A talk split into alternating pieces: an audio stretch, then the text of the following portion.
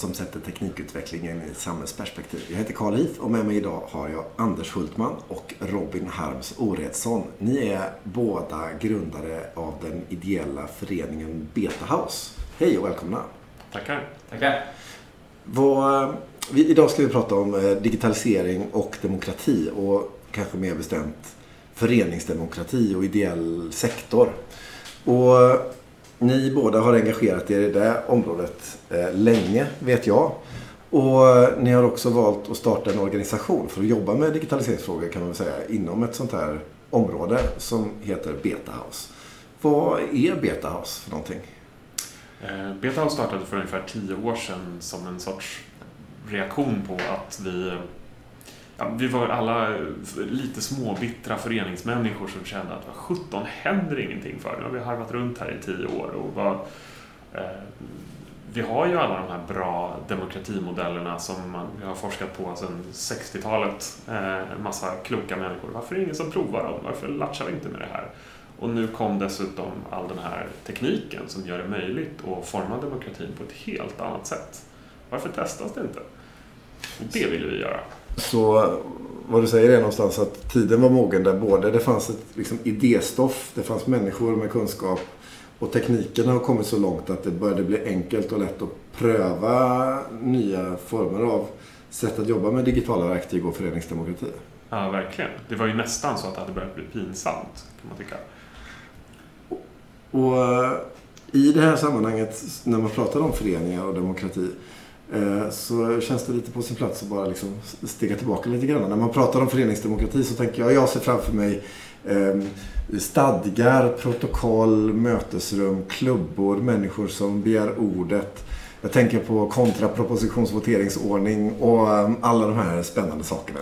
Men vad är, hur hänger det här ihop med liksom, digitaliseringen och, och, och vad är, hur ser mellanrummet ut där? Men alla, alla de här grejerna du beskriver, de finns ju där av en anledning. De finns ju där för att man under, vi under 150 år har försökt hitta sätt att organisera oss, att på ett demokratiskt sätt, på ett rättvist sätt fördela eh, tiden i rummet, ordet, rösterna på olika sätt i organisationen så att alla får medinflytande och delaktighet och känner sig liksom, lyssnade på eh, och deras synpunkter får spela in. så. Um, och de var ju framtagna i en tid före digitaliseringen då vi hade helt andra, man gick ner till den lokala eh, samlingslokalen och hade sitt årsmöte i Folkets hus så småningom och, och där hade man sina samlingar. Så. Ehm, men när eh, ungdomar och andra samlas demokratiskt i organisationer som är nationella eller helt internationella där man inte har möjlighet att samlas fysiskt på den här Folkets hus, ja då behöver ju formerna anpassas både inom organisationen, hur stadgarna ser ut och vilka rutiner man har och hanteringen, men också att vi behöver hitta verktyg där vi kan stärka det här. Om vi lappar och lagar med, med de verktyg som finns som inte är anpassade, om man försöker ta någon sån här webbforum för att det dök upp, ja då försöker vi knö in det och använda det för årsmöten. Det fungerar ju inte, det är inte anpassat för det. Ehm, och då försöker vi hitta sätt, då, hur kan föreningar jobba, vilka föreningar jobbar smart med det här? Eh, att eh, möta medlemmarna på andra sätt, att medlemmarna möts på andra sätt med varandra och sådär. Ehm, så det jobbade vi mycket med då de första åren. Och hur kom det här sig till uttryck? För någonstans var det så att eh, det fanns föreningar där ute som liksom hade det här konkreta behovet och där ni såg att men här finns det en, en lucka att fylla och därför så drar vi igång det här arbetet med att uppfinna de här nya sätten. Och... Det, det fanns tydliga så här, extremfall. Det, I slutet på eh, förra decenniet så dök det upp organisationer som var helt online. Eh, svenska jättestora föreningar med ungdomar. Eh, datorspelsföreningar. De kunde ha 15, de kunde ha 20 000 medlemmar som var helt utspridda över, över hela landet. Och de träffades aldrig fysiskt? De träffades aldrig fysiskt. De kände inte varandra under namn utan de kände varandra under Nix, deras här smeknamn på nätet. Det fanns ju ingen anledning för dem att ha ett fysiskt årsmöte där de satt ner tillsammans och, och röstade och beslutade saker. Utan då var det ju så att de som grundade föreningen kanske träffades hemma hos, hos den, en av de grundarna i hans vardagsrum och så hade de fem årsmöte och de andra 20 000 hade ingen som helst insyn i den demokratin. Eh, och det här behövde ju göras någonting åt. Och jag kan föreställa mig här att alltså alla de här föreningarna, eh, ofta så bygger man ju föreningar för att också ha en relation till till exempel ett studieförbund eller till eh, ungdomsresurser eh, som staten tillhandahåller och sånt där. Och att det finns också en ekonomisk eh, bild som gör att det finns incitament att skapa de här föreningarna på ett annat sätt. Skapandet fanns ju ett incitament för, men, men det var också så att mycket av de här pengarna får ju föreningarna för att de ska demokratiskt fostra sina medlemmar. Det är ju statens idé, mycket av de här pengarna, eh, som går ut till ungdomsorganisationer. Eh, men de här eh, resten utav, förutom de här fem då som startade föreningen, de andra 19 000, de hade ju ingen som helst demokratisk fostran i den här föreningen. Ehm, och då är det ju inte rimligt att staten skeppar in pengar i det här heller och stödjer den här verksamheten utifrån demokratiaspekten. Såvida det inte finns förutsättningar och former för alla 20 000 att vara med då? Precis, eh, och det var ju det vi behövde ändra på. Ehm, Och alltså att ta sig an en sån här eh, idé att låta oss skapa förutsättningar för 20 000 människor att kunna bedriva mötesverksamhet eh, och föreningsverksamhet online. Eh, hur, hur började ni med det och liksom var, hur, gick, hur har resan gått om du skulle beskriva det lite grann?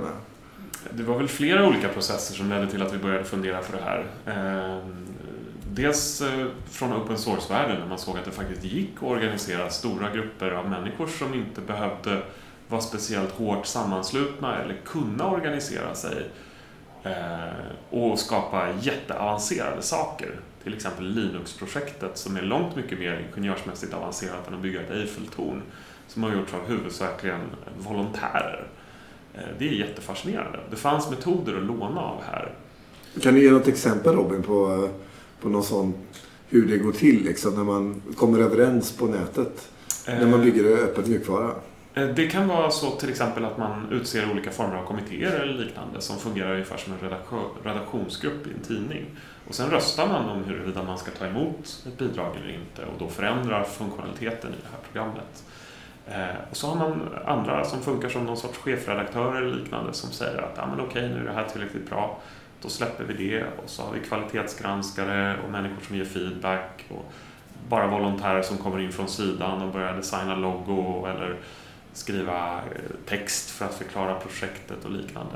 Eh, och de hade ju inte heller en demokratimodell som var anpassad efter dem utan hela den organisationen hölls ju väldigt mycket ihop av det eh, licenserna i öppen källkod. Att vem som helst i den här gruppen faktiskt kunde dra och ta med sig hela gruppens arbete och fortsätta jobba med det. Men de tog ju vara på, på de tekniska möjligheterna också väldigt mycket den här. Alltså de, de prövade andra demokratimodeller som att man till exempel skulle kunna ha en här flytande demokrati eller liquid democracy där man kan eh, ge en röst till någon annan.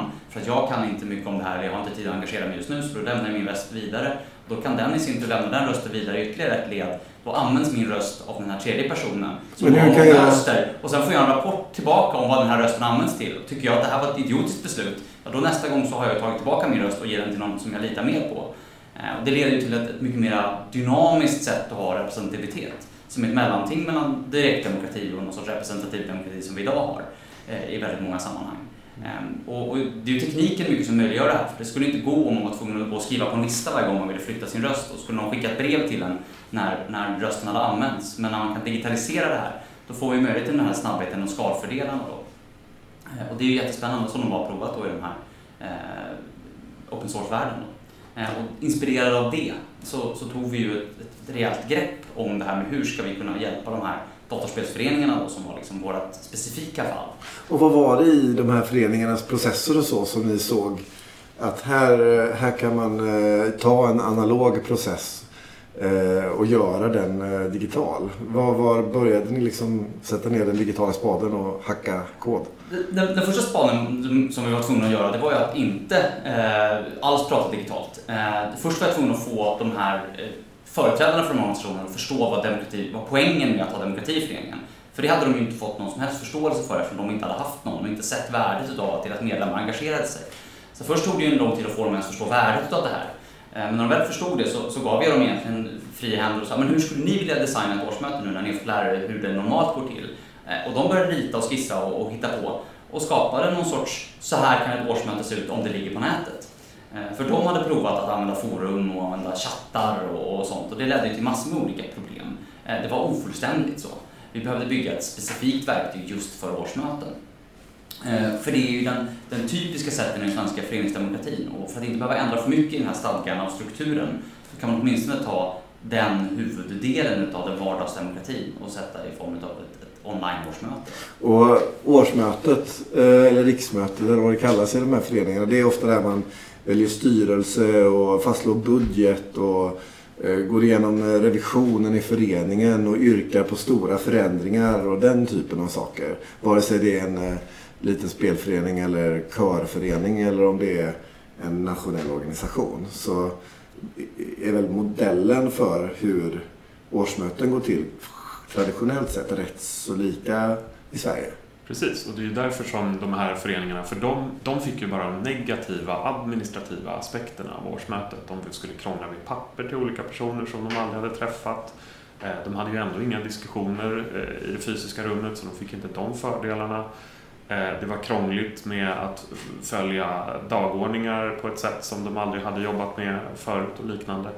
Och tyvärr så ser man ju lite samma kultur i andra stora föreningar också. Att man förstår inte riktigt poängen med att ha ett årsmöte. Det är jobbigt att medlemmar ska komma och tycka saker. Och du tänker i den traditionella stora föreningen med ja. tusentals medlemmar ja, och där det är ett väldigt litet fåtal som är på föreningens årsmöte. Ja, visst. Att i det fallet man som medlem så att säga inte riktigt ser sin egen koppling till den här årliga... Tvärtom. Det är ju faktiskt så att till och med styrelse och kansli ibland tycker att årsmöten är något man ska ha överstökat och inte jobba så mycket med för det är bara jobbigt. Eh, och det finns en risk att folk kuppar och vi har ju ändå bestämt att verksamhetsplanen i förväg. Ska de komma hit och rösta om den för? Det är ju jättestörigt. Ja, så det kan finnas liksom underskott i demokratin i den traditionella föreningsformen också.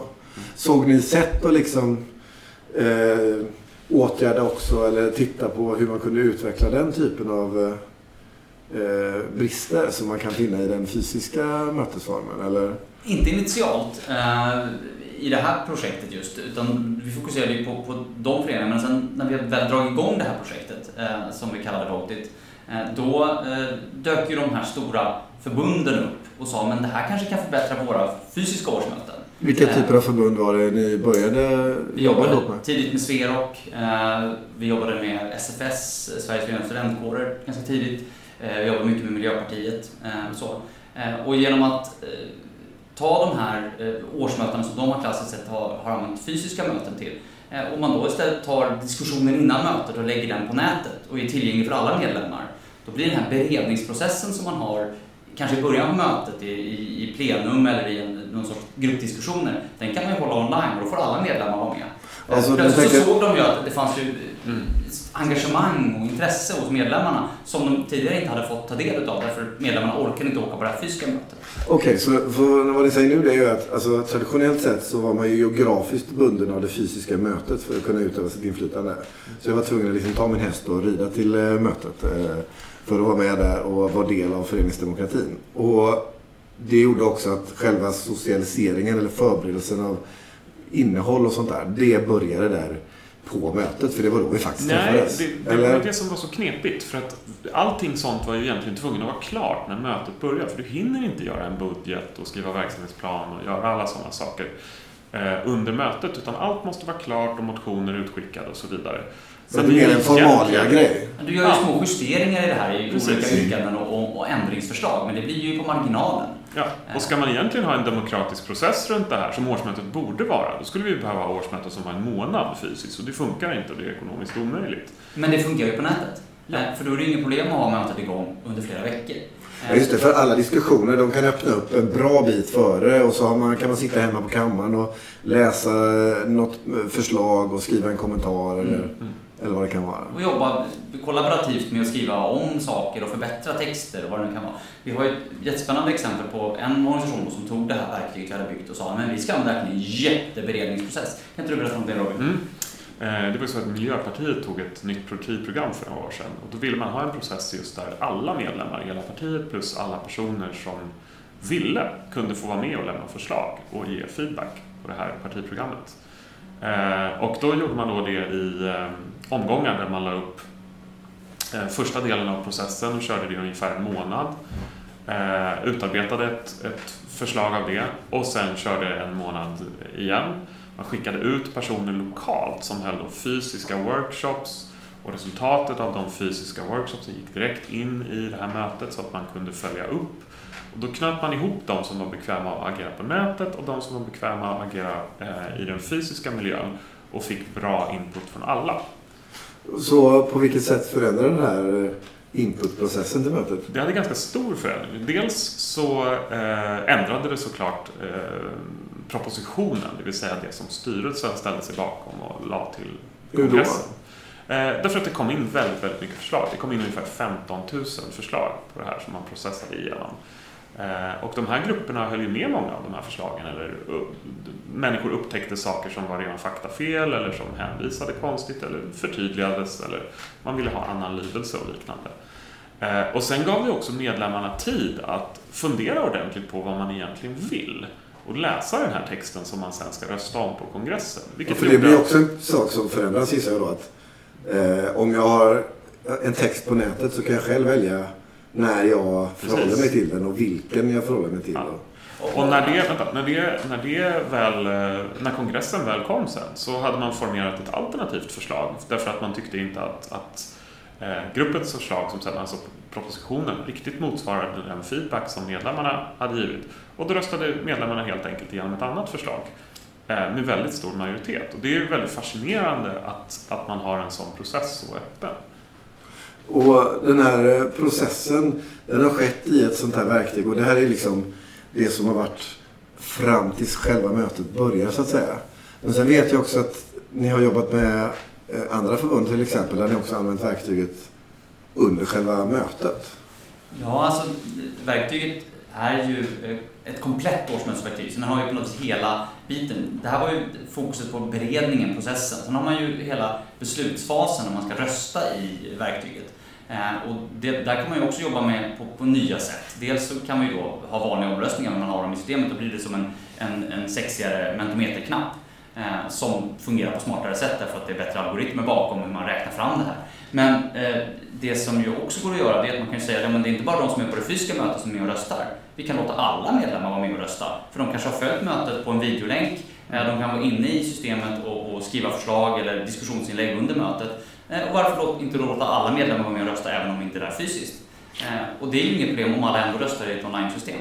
Och jag gissar att för de här eh, föreningarna då som inte har någon riktig fysisk närvaro överhuvudtaget så blir det helt plötsligt en helt ny dimension av hur man kan ha och bedriva en förening. De gör ju så att deras möten är ju, jag brukar rekommendera att de kör två till tre veckor som normalfallet då på, om de har ett rent online-möte. Eh, för då kan man ju ha varje omröstning pågår ett dygn eh, så att alla har tid att gå in någon gång under dagen och rösta. Eh, varje diskussion eller varje ämne borde, bör ligga upp ett par, tre dagar så att folk har tid att diskutera igenom ordentligt. Är det stora frågor som verksamhetsplan kanske ligger upp en vecka innan man går vidare till nästa moment. Och då kan man göra flera moment pågående parallellt, ett par, tre stycken olika som är relaterade eller inte relaterade beroende på vad man verksamhet. Så det där ser väldigt olika ut om man använder ett fysiskt möte som ett stödsystem eller ett rent online-möte. Men också de här mixade som då, till exempel Amnesty jobbade vi då med som eh, lät alla Amnestys 100 000 medlemmar vara välkomna att komma in i Amnesty-mötet och rösta under det fysiska mötet.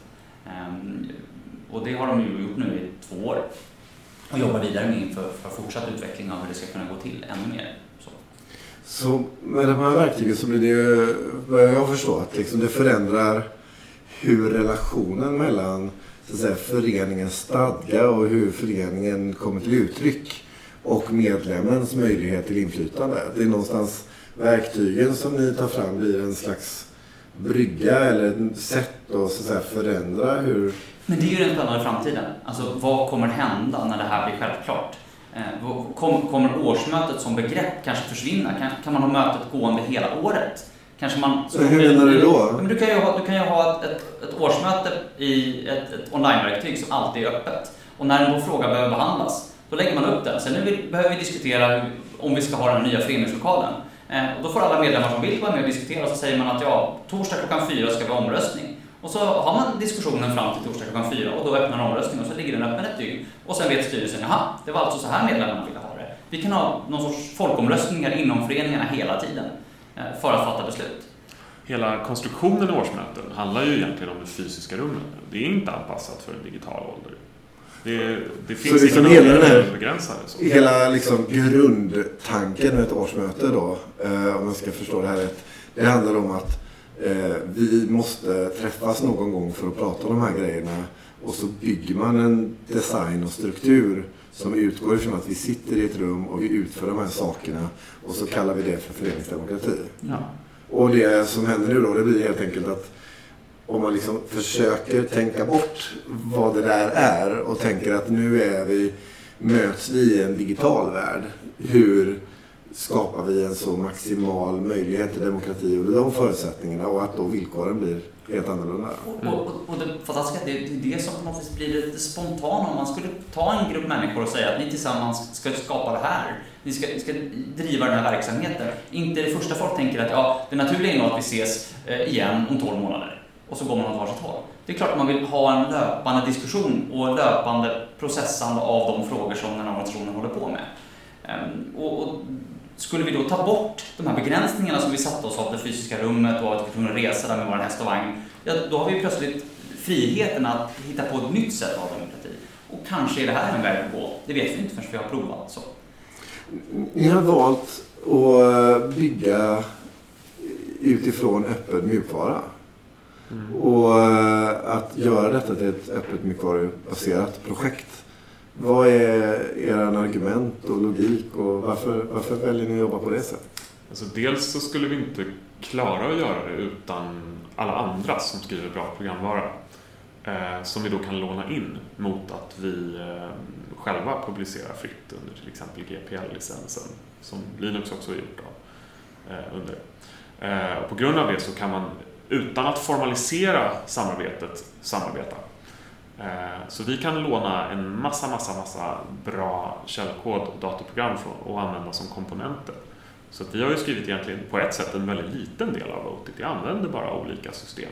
Som andra redan har Precis. programmerat som också är öppen mjukvara i andra projekt. Exakt, och som då underhålls gemensamt. Så att eh, vi på så sätt kan skala upp eh, projektet och, och åstadkomma saker som vi aldrig någonsin skulle ha råd att göra.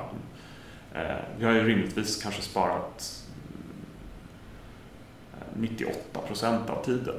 Men sen är det ju så det skulle kännas helt eh, alltså, förkastligt att vi har ju fått, fått av samhällets pengar för att bygga det här i olika projektansökningar vi har gjort och, och bidrag från stöd från ungdomsorganisationer och sånt som har varit med och betalt för det här att, att den insatsen från samhället att bygga den här mjukvaran inte skulle vara fri och öppen för alla mm, i hela världen. Det vore ju idiotiskt. Ja, varför, ska den, varför, ska ja, precis, varför ska den låsas in så? Eh, och vi ska säga att ni måste betala för att använda det här. Det är klart att den ska vara öppen. Den är ju betald av det gemensamma. Då ska den kunna användas av alla också. Det känns ju ganska självklart.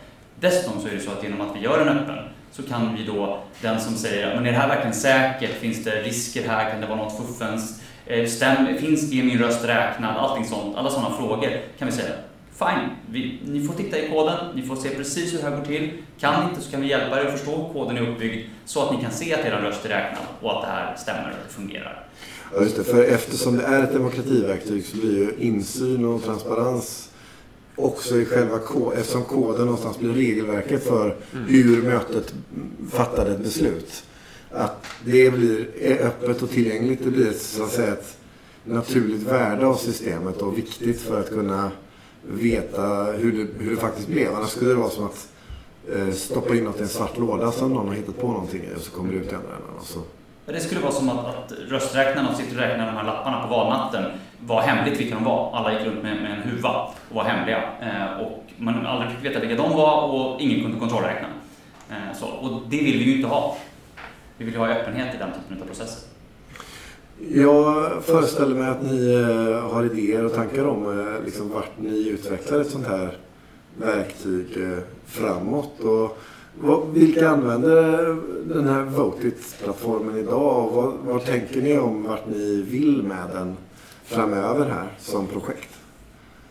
Något som jag tycker skulle vara jättekul att se är olika former av medborgardialoger. För det tycker jag är något man har behandlats som ett problem snarare än en tillgång. Det är jobbigt att man måste prata med folk. För de och medborgardialoger till exempel i stadsplaneringsprojekt och, och så vidare. Ja, att man, för nu, nu kan man skicka in lappar i olika sammanhang och så kommer det in tre lappar där det står vindkraftverket dåligt.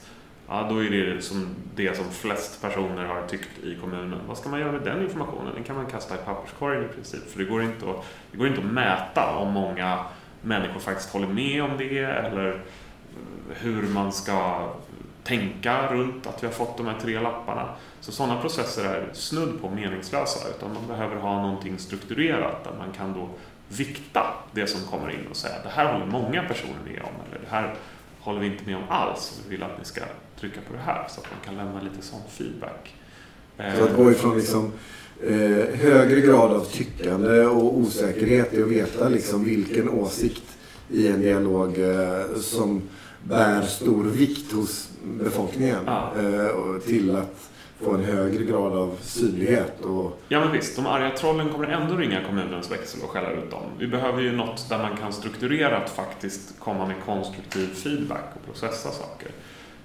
Men liknande den, den här processen som Miljöpartiet hade där de hade då tusentals medlemmar som, som fick processa det här materialet. och där ni tänker att det är helt enkelt den typen av process inte nödvändigtvis bara är förborgade till föreningsdemokratiska processer utan det skulle kunna handla om processer som stat och kommun och landsting har i relation till medborgare till exempel. Sen finns det ju helt andra spännande möjligheter när man digitaliserar någonting sånt här. Alltså till exempel översättning. Alltså du, du har ett årsmöte eh, som är i en global organisation eh, eller någon typ av möte överhuvudtaget i en global organisation. Om den är textbaserad eh, då kan man ju crowda eh, översättningar av texterna inom gruppen. Så att, eller använda sig av någon Google Translate eller något liknande för att låta debattinlägg skrivas på det egna språket och läsas av andra på andra språk. Så att man tillsammans kan föra ett samtal trots att man inte har ett gemensamt språk. Det är ju ja, inte en barnlek, men det är inte alls svårt när det så länge det är skriven text, vilket det är i det här fallet. Och det inte är högt tempo, utan du kan låta saker och ting ta lite tid, så det kan få ta en dag innan det går att läsa det här diskussionsinlägget. Och låter du den liksom, processen pågå, då kan du ju ha jättespännande dialoger med personer som du annars aldrig skulle kunna prata med.